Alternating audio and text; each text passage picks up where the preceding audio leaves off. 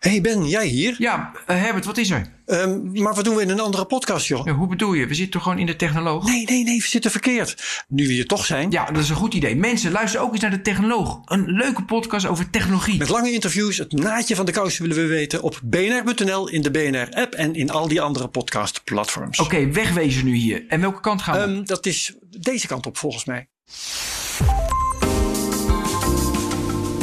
De maatregelen die hier en elders worden getroffen zijn ongekend voor landen in vredestijd. Het wordt echt wel uh, stoelriemen vast de komende periode. Van harte welkom bij de tweede aflevering van Ongekend in Vredestijd. Dat is de wekelijkse podcast over de economische gevolgen van de coronacrisis van het FD en BNR. En ik ben Matthijs Bouwman. En ik ben Daan Ballageer.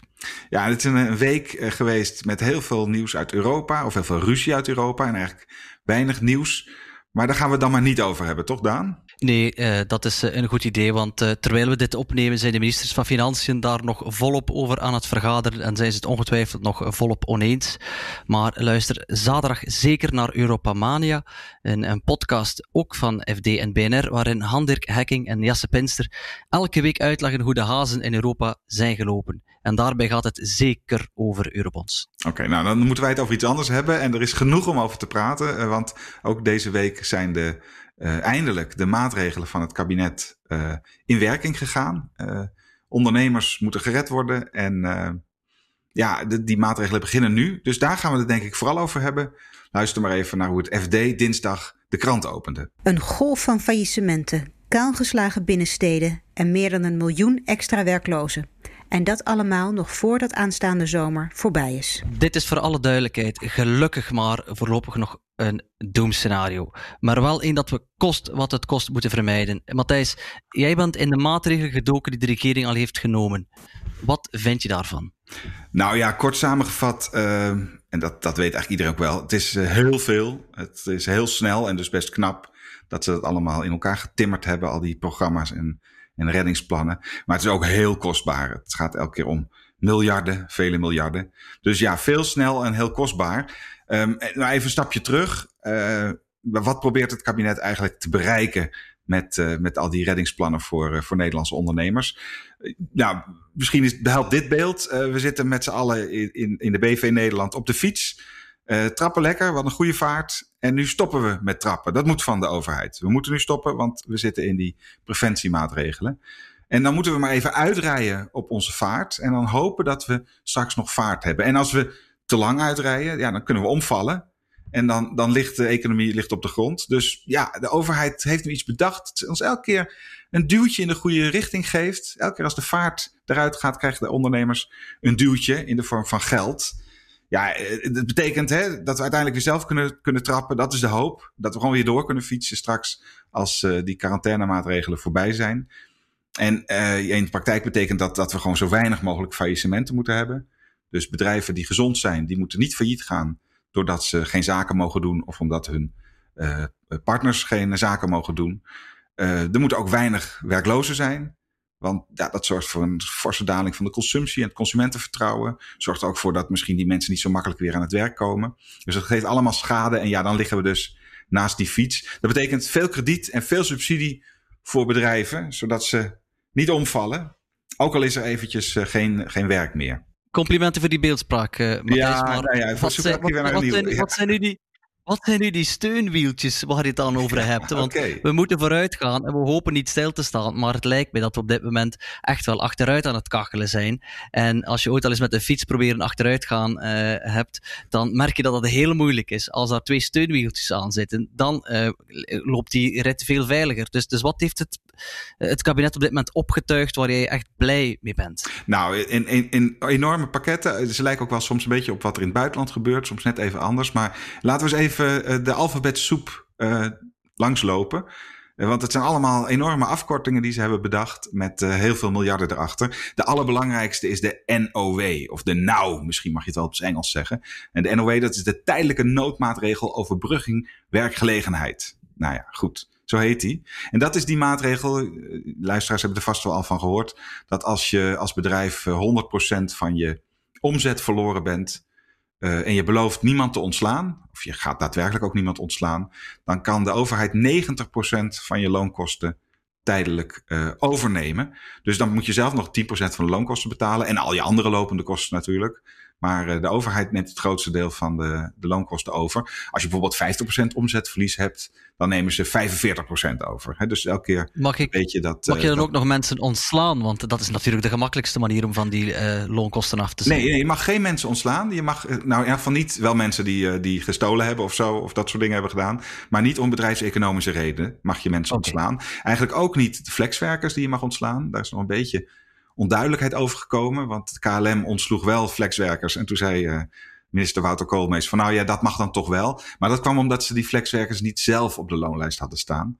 Dat waren dan weer uh, uitzendkrachten of van, van, van derde partners. En dan mag het weer wel. Maar in principe geldt het voor alle mensen die je zelf op je loonlijst hebt staan. Als je er eentje gaat ontslaan, dan mag je niet meer meedoen met die nou-regeling. Okay. Dus best een gulle en strenge regeling, regeling denk ik. Nou, en dan is er ook nog eentje, een soort, echt soort noodmaatregel, de TOGS, de TOGS, de tegemoetkoming ondernemers getroffen sectoren. En dat is die 4000 piek.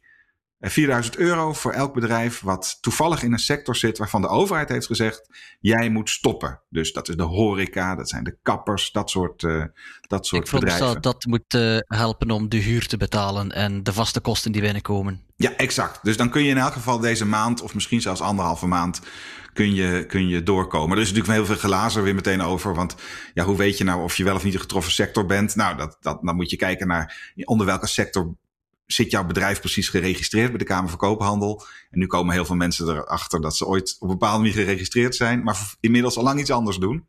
En dan vallen ze mm-hmm. toch net niet onder die regeling. Dat geeft weer heel veel reden voor discussie en boosheid. En de overheid gaat dat hopelijk nog wel een beetje ruim interpreteren. Uh, en ik vind zelf een hele belangrijke ook. En die levert ook heel veel op voor ondernemers. En daar moeten ze ook echt gebruik van maken.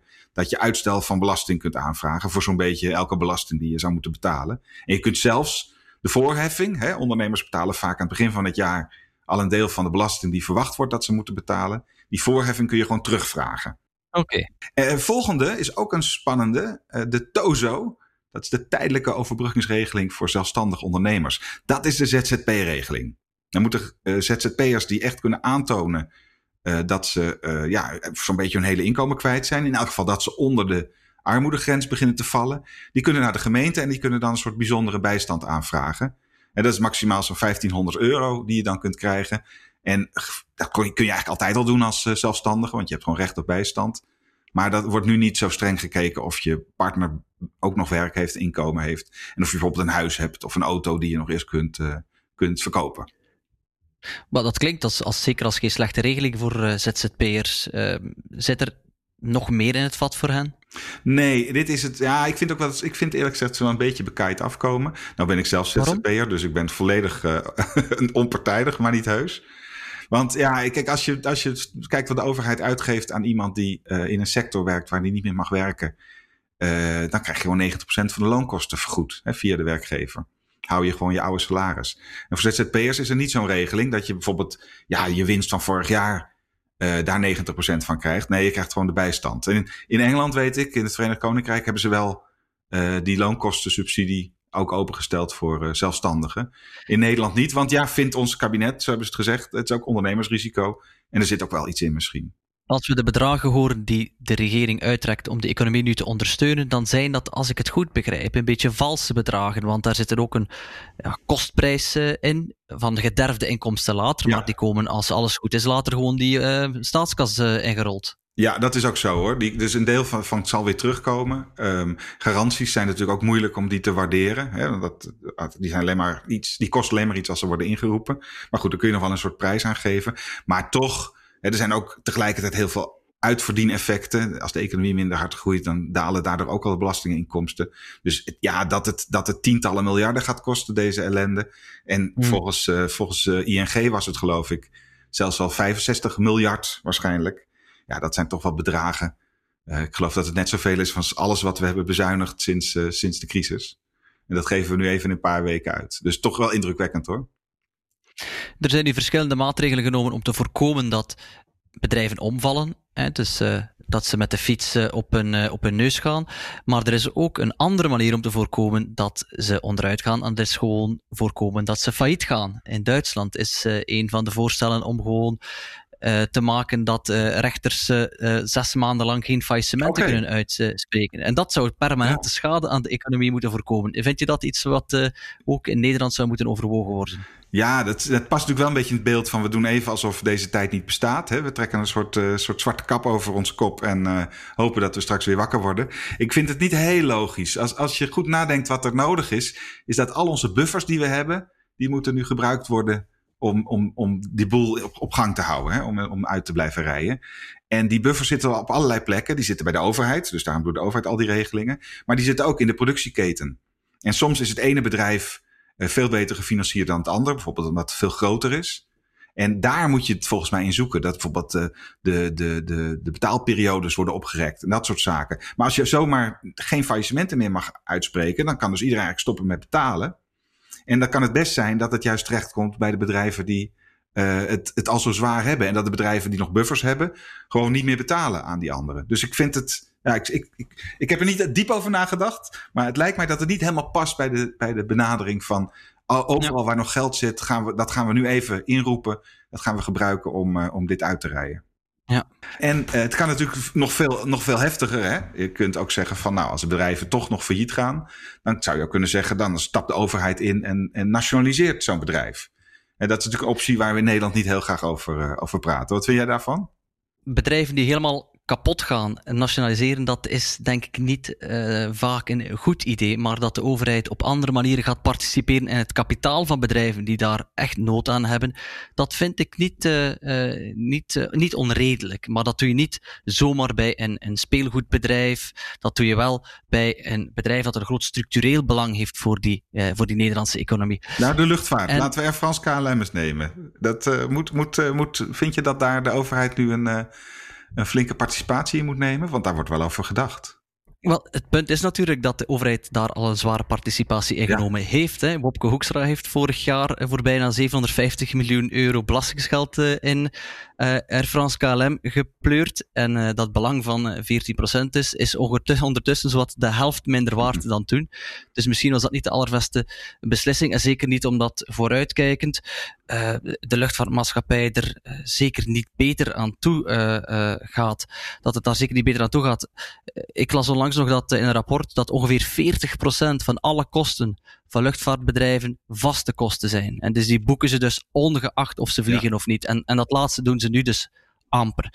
Maar terugkeer naar die vraag, als het overleven van Air France KLM in gevaar komt, dan lijkt het mij wel logisch dat de, de Franse en Nederlandse overheden ingrijpen, omdat alleen al in Nederland het gaat om meer dan 33.000 uh, banen of dat dat nu moet gebeuren door aandelen bij te kopen en op die manier eigenlijk uh, ja, die, die beurskoers en de kapitalisatie op te krikken, dat, dat weet ik eigenlijk niet. Je zou ook kunnen zeggen dat het niet de taak is van een overheid om aandeelhouders uit de wind te zetten, maar dat het wel de over, taak van de overheid is om het algemeen belang in termen van werkgelegenheid en economische groei te verzekeren. En dan zou je perfect kunnen zeggen, waarom laten we niet gewoon al die aandeelhouders eerst bloeden? En als het bedrijf dan nog zwaar in de problemen zit, dan gaan we gewoon korten op de schuld die obligatiehouders hebben. En als dat niet volstaat, wel, dan als achtervang kan de overheid zeggen, wij nemen nu die 100% over. Ja. Natuurlijk, als je de aandelenwaarde naar nul laat gaan, dan wordt ook die 14% die de overheid heeft nul waard. Maar ja, als uh, aan het eind van de rit je op die manier toch 100%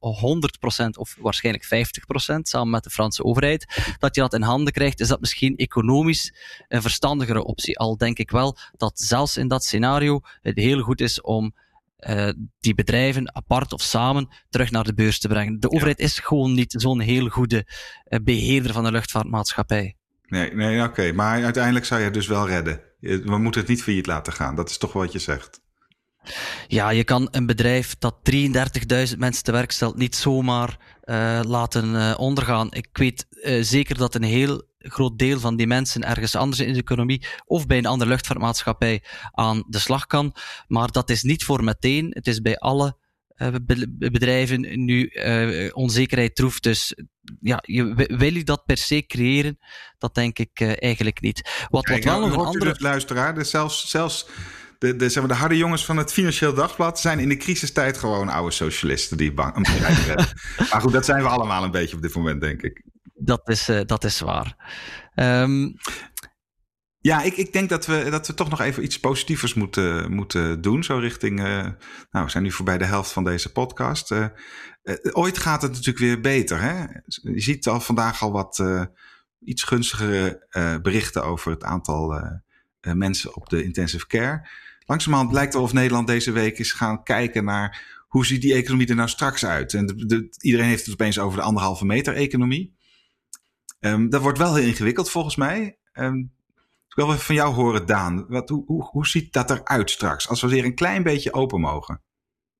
Ja, laten we eens inbeelden dat je een, een hoepel hebt en dat je die rond je middel bindt en die zorgt ervoor dat iedereen anderhalve meter uit je buurt blijft. Wel, als je dan in een trein in een vierzitter gaat neerploffen, dan kan daar al niemand anders meer zitten. En uh, als je op de verkeerde plaats zit, misschien zelfs niet aan de andere kant van het gangpad. En dat geeft aan dat het heel moeilijk wordt om met die anderhalve meter economie terug de draad op te pikken van vroeger. We gaan niet meer met dezelfde groep mensen op hetzelfde moment in die ochtendspits of in die avondspits het openbare vervoer nemen. Dat, dat, dat betekent ook dat je die economie op een specifieke manier moet gaan organiseren, zodat we daar het meeste kunnen uithalen. En dat heeft gevolgen voor de verschillende uh, sectoren, dus ook in de maakindustrie als in de horeca. Ja, hoe werkt dat dan in de horeca straks? Want uh, ja, het lijkt me moeilijk, hè? Anderhalve meter afstand en dan gezellig een biertje drinken. Zeker, zeker. Ik uh, had vanmiddag even een uh, sigarendoosberekening gemaakt over hoeveel plaats het inneemt om met een ronde tafel zes mensen op anderhalve meter van elkaar te houden. En dan kom je uit met een tafel die een diameter heeft van bijna drie meter. Ja, dat is natuurlijk uh, voor heel veel brasseries of kroegen niet gegeven. Je kan die natuurlijk al langwerpig, een langwerpige tafel zetten, maar ook dan blijft iedereen ver uit elkaar zitten. En uh, mag je natuurlijk ook niet te dicht bij de andere tafel zitten. Dus het wordt een hele isolationistische ja. uh, kroeg. Klinkt niet heel gezellig. Dan vraag ik, Nee, en het klinkt ook economisch heel moeilijk haalbaar voor een uitbater van zo'n brasserie. Want je kan maar een beperkt aantal klanten bedienen, maar je hebt nog altijd, wat we eerder al bespraken, heel veel vaste kosten. Ja. Dus ik vermoed dat die 4000 euro waar jij het eerder over had, en tenzij ik mij vergis, Matthijs, is die 4000 euro eenmalig en niet ja, uh, elke eenmalig. maand of elke drie maand. Dat als wij binnen drie maand, als deze crisis achter ons ligt, terug een biertje willen nemen of uh, eens lekker uit eten gaan, dan gaan we toch extra steun nodig hebben om die ja, uh, mensen die die kroegen en die etablissementen openhouden te overtuigen om ja, dat uh, voor ons uh, te maken, ja. dat eten ja. of een biertje te tappen. Maar ze hebben ook, je bedoelt, ze hebben ook nog eens een keer 4000 of dan misschien 3000 nodig als ze alweer open zijn. Omdat ze op zo'n onrendabele manier open moeten. Dat denk ik wel, ja. ja. Ah, ja. En hoe, maar hoe zie je dat er... verder voor je? Hoe, hoe, wel, wel, gaat er het eerst open? Wat, hoe werkt dat? Ja, de regering heeft sommige activiteiten gewoon verboden. Hè. Dus uh, die zullen waarschijnlijk het laatste komen. We hadden al uh, festivals uh, genoemd in het verleden, maar dat is het type voorbeeld. Maar daarnaast hebben ook veel bedrijven vrijwillig op de pauzeknop geduwd. Het is een balans hoe je die terug probeert open te krijgen. Je wil enerzijds de economie zo weinig mogelijk schaden. En tegelijkertijd toch voorkomen dat het virus zich verder verspreidt. En ik denk dat er verschillende manieren zijn om op die, om, om, om dat probleem uh, aan te pakken. Je kan dat regionaal aanpakken en bijvoorbeeld kijken naar gebieden die minder hard getroffen zijn door het uh, coronavirus en waar voldoende zorgcapaciteit is en zeggen hier gaan we nu de basisscholen openzetten en ja. als het allemaal goed meevalt misschien ook uh, de, de, de, de hogere leeftijden. Friesland bijvoorbeeld of Groningen. Voilà. Helemaal juist, ja, voilà. Maar je kan ook sectoraal gaan kijken en ondernemingen of sectoren eruit pikken die vitaal zijn, die heel belangrijk zijn dat die snel weer zo goed mogelijk draaien. En je kan ook gemakkelijker, denk ik, de banen ruimen voor ondernemingen die veel met robots werken. Daar zijn weinig mensen die elkaar ja. in de weg kunnen lopen. Ja. En verder denk ik dat het ook goed is om na te denken over de hele uh, supply chain, met een afschuwelijk Engels woord. Uh, ik las onlangs een studie van Rabobank-economen die eens keken naar hoe alle sectoren met elkaar verbonden zijn. En uh, dat waren er duizenden verschillende manieren waarop die op elkaar inspelen. Maar wat mij daaruit bijgebleven is, is dat het niet zozeer de grootste economietak is die als eerste open moet, maar wel de economietakken die het meeste invloed uitoefenen op andere gebieden in de ja, economie. Ja. En, en om bijvoorbeeld, eigenlijk. Voilà, om een voorbeeld te geven, voordat een, een, slaatje in de Albert Heijn belandt, zijn de verschillende groenten daarvoor gerooid, gewassen, gesneden, gemengd, verpakt, vervoerd en verdeeld. Dat doet de boer heus niet allemaal zelf. Maar als de boer niet produceert, valt er heel veel stil. Dus ondanks dat die landbouweconomie, dat die eigenlijk maar een bepaald ja, beperkt deel uitmaakt, ik denk anderhalf procent van het Nederlandse uh, bruto binnenlands product, zijn er toch heel veel doorstroomeffecten naar andere sectoren. Dus ik denk dat het ook iets is dat meespeelt. Ja. En, en denk als laatste misschien nog om eraan toe te voegen, we moeten natuurlijk uh, kijken naar de allereerste stap waar de uh, problemen nu het grootst zijn, de zorg. Daar lopen de wachtlijsten op voor mensen die wachten op een, op een gewone behandeling. Als we daar eigenlijk wat lucht kunnen creëren, dan ontstaat sowieso veel meer ruimte elders in de economie. Omdat die flattening the curve, er komt weer meer marge op. We kunnen wat meer experimenteren, wat verschillende knoppen draaien. Ja, nu, in, in de praktijk in de praktijk lijkt het me toch zo een mix te moeten zijn van alles wat ik uh, daarnet ja. uh, had uh, opgestomd. Regionaal, sectoraal, cruciaal. En um, ik denk dat wat nu misschien een beetje ontbreekt, is dat de overheid niet genoeg duidelijkheid schept over de voorwaarden waaraan voldaan moet zijn voor bedrijven. Dus wat, wat moet er gebeuren voor een bepaalde sector weer open kan? Ja. En, en wanneer dan? Ja, maar dat, denk... is, dan is toch, onderschat je wel de, de, Hollandse improvisatiekunst. Want zo pakken wij dat natuurlijk niet aan. Wij pakken het aan door te zeggen, nou sectoren, wat wil u? Uh, kom maar op met uw plannen. Want wij polderen dat natuurlijk ook weer, uh, weer dicht. En dat vind ik eigenlijk ook niet zo'n slecht idee. Wat jij voorstelt is toch een soort, soort militaire operatie waarbij de overheid zegt: u mag open, u moet dicht blijven. Terwijl we kunnen gebruik maken van de inventiviteit en of, eh, van, van ondernemers die zeggen: van ik heb iets bedacht, dat je toch met jouw hoepeltje een leuke tijd hebt in de, in, in, in de kroeg. Nou, dan moet de overheid zeggen: goed. Dan als je daaraan voldoet en we kunnen er vertrouwen in hebben en we hebben die plannen bekeken en je hebt ook nog een bewaker ingehuurd die het in de gaten houdt, ga je gang. Mhm. En dus niet per sector of per regio, maar per, eigenlijk per, per slimme ondernemer. Is dat geen idee? Ik vind het een zeer aanlokkelijk idee en natuurlijk, innovatie is op elk moment welkom.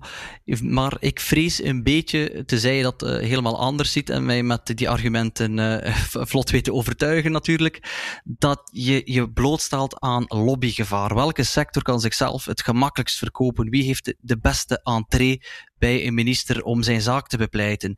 Natuurlijk moet het niet technocratisch worden, er moet een samenspel zijn tussen, tussen overheid, tussen de zorg, tussen bedrijven, over wat waar kan. Dus uh, het is zeker wel iets dat denk ik ook vanuit de lagere overheidsbestuur moet opgevolgd worden, omdat zij ja, toch moeten die verschillende belangen in de samenleving met elkaar in evenwicht brengen. Ja, ja, ja dat, is, dat is, ik snap het wel. Want als iedereen, iedereen een goed plan heeft en iedereen gaat weer gewoon beginnen, ja, dan ontstaan er weer een soort, soort, soort sectoroverstijgende problemen. Want dan komt er via, via de achterdeur komen weer de, de besmettingen die weer oplopen. want dan staat iedereen weer in de Kalverstraat opeens, uh, hutje mutje. Maar toch, ik denk toch dat, dat, dat, dat, dat het in eerste instantie, ik kan me ook voorstellen dat het zo gaat gebeuren in Nederland, uh, toch aan de, aan de ondernemers of de brancheverenigingen overlaten Um, of, of, ze het, of ze het vinden kunnen. En de overheid moet wel streng zijn en zeggen van nou, wij, hebben hier geen vertrouwen in. Slecht plan. En zo is het natuurlijk ook al een beetje aan, aan het gebeuren nu. Hè? Dat als je naar de supermarkt gaat, dan staat er een meisje of een, of een jongen en die maakt je karretje schoon. Nou, heeft niet de overheid gezegd dat moet je daar neerzetten. Maar die bedrijven dachten van nou, als we dat nou doen, dan mogen we misschien nog wat langer open blijven. Dus dat, ja, ik, ik, ik ben het met je eens. Maar ik zou toch niet willen onderschatten de inventiviteit van ondernemers om ook het goede te doen voor de klanten.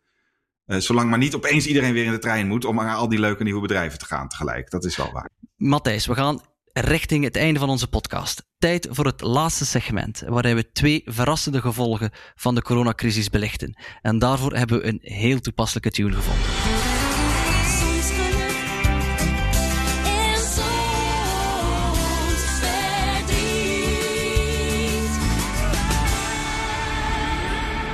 Ja, goede tijden, slechte tijden. Ik ken het liedje. Ik heb de serie nooit gekeken. Echt nooit. Nul keer. Echt hoor. Maar waarom uh, moeten we daar naar luisteren? Soapliefhebbers die eh, beleven nu echt uitzonderlijk slechte tijden. Door die uh, coronamaatregelen die ons allemaal op een of andere manier treffen, kunnen er op dit moment geen nieuwe afleveringen worden gemaakt van goede tijden, slechte tijden. En dus valt de soap straks gewoon stil. En hoe ongelooflijk dramatisch dat ook is, het is uh, maar een verschijnsel van een veel groter probleem. als je vraagt aan mensen wat ze nu s'avonds doen, dan zeggen ze heel vaak binge-watching. Maar iedereen die nu naar Netflix-reeksen zit te kijken, mag zich verwachten aan een onaangename verrassing, omdat ook daar geen nieuwe afleveringen meer worden opgenomen. De opnames liggen gewoon stil. En waarom is dat dan? ook zij zijn eigenlijk getroffen door die maatregelen dat je niet met meer dan drie mensen mag samenscholen. Ja. Ja. Dus uh, dat betekent dat die opnames er uh, nu niet, uh, niet zijn.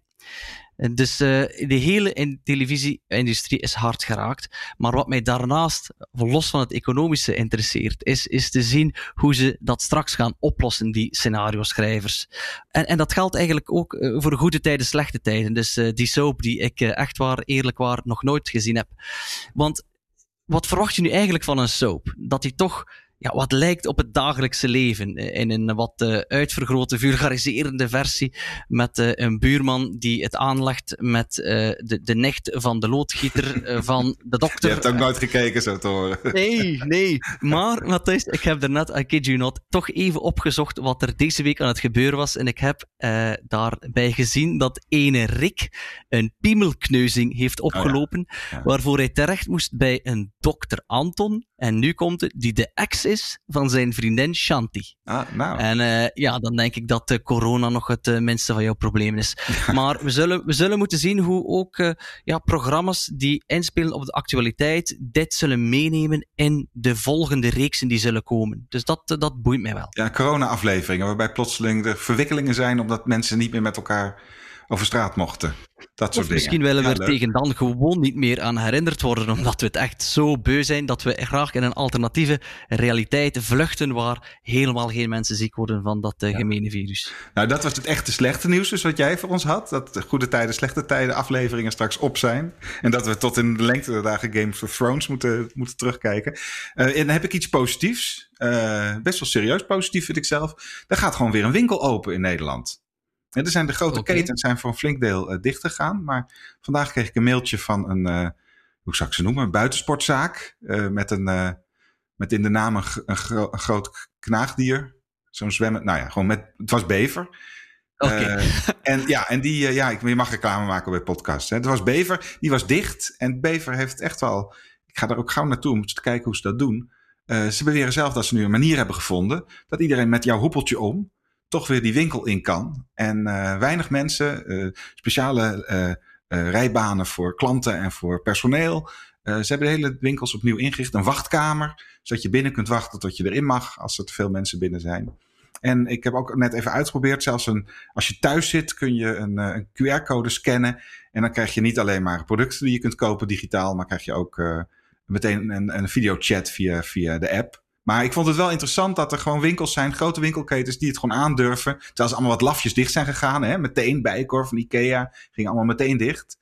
Um, en in plaats van nadenken over wat kan er nog. Maar deze gaat alweer open. En nou, laten de eerste zijn in een lange reeks. Hè? Laat Ikea en de Bijenkorf daar een voorbeeld aan nemen. Probeer het in elk geval. Kijk eens wat er kan. En uh, of, of Daan met een hoepeltje om toch misschien uh, zijn, uh, zijn nieuwe gimpies kan komen kopen. Ik vind het een heel goed idee. En ik moet zeggen, ik kende de keten niet. Ah. Dus ik ga die binnenkort als steun toch eens bezoeken. En zonder reclame te maken natuurlijk. Ja, en vragen of ze ons willen sponsoren. Dat mag nu wel. um, dit was het. Bedankt voor het luisteren allemaal. wij zijn te bereiken. U kunt ons een berichtje sturen via de e-mail. Dat is ongekendinvredestijd.fd.nl en um, als het goed is, maken we elke vrijdag voortaan zo'n uh, zo'n podcast. En als je dus denkt, dat wil ik wel blijven horen, abonneer je dan vooral. Doe dat via je favoriete podcast-app. En als je daar dan toch bent, geef ons ook eens een rating. Je kunt sterretjes geven. Hoe meer sterren, hoe aardiger we je vinden. Tot de volgende keer.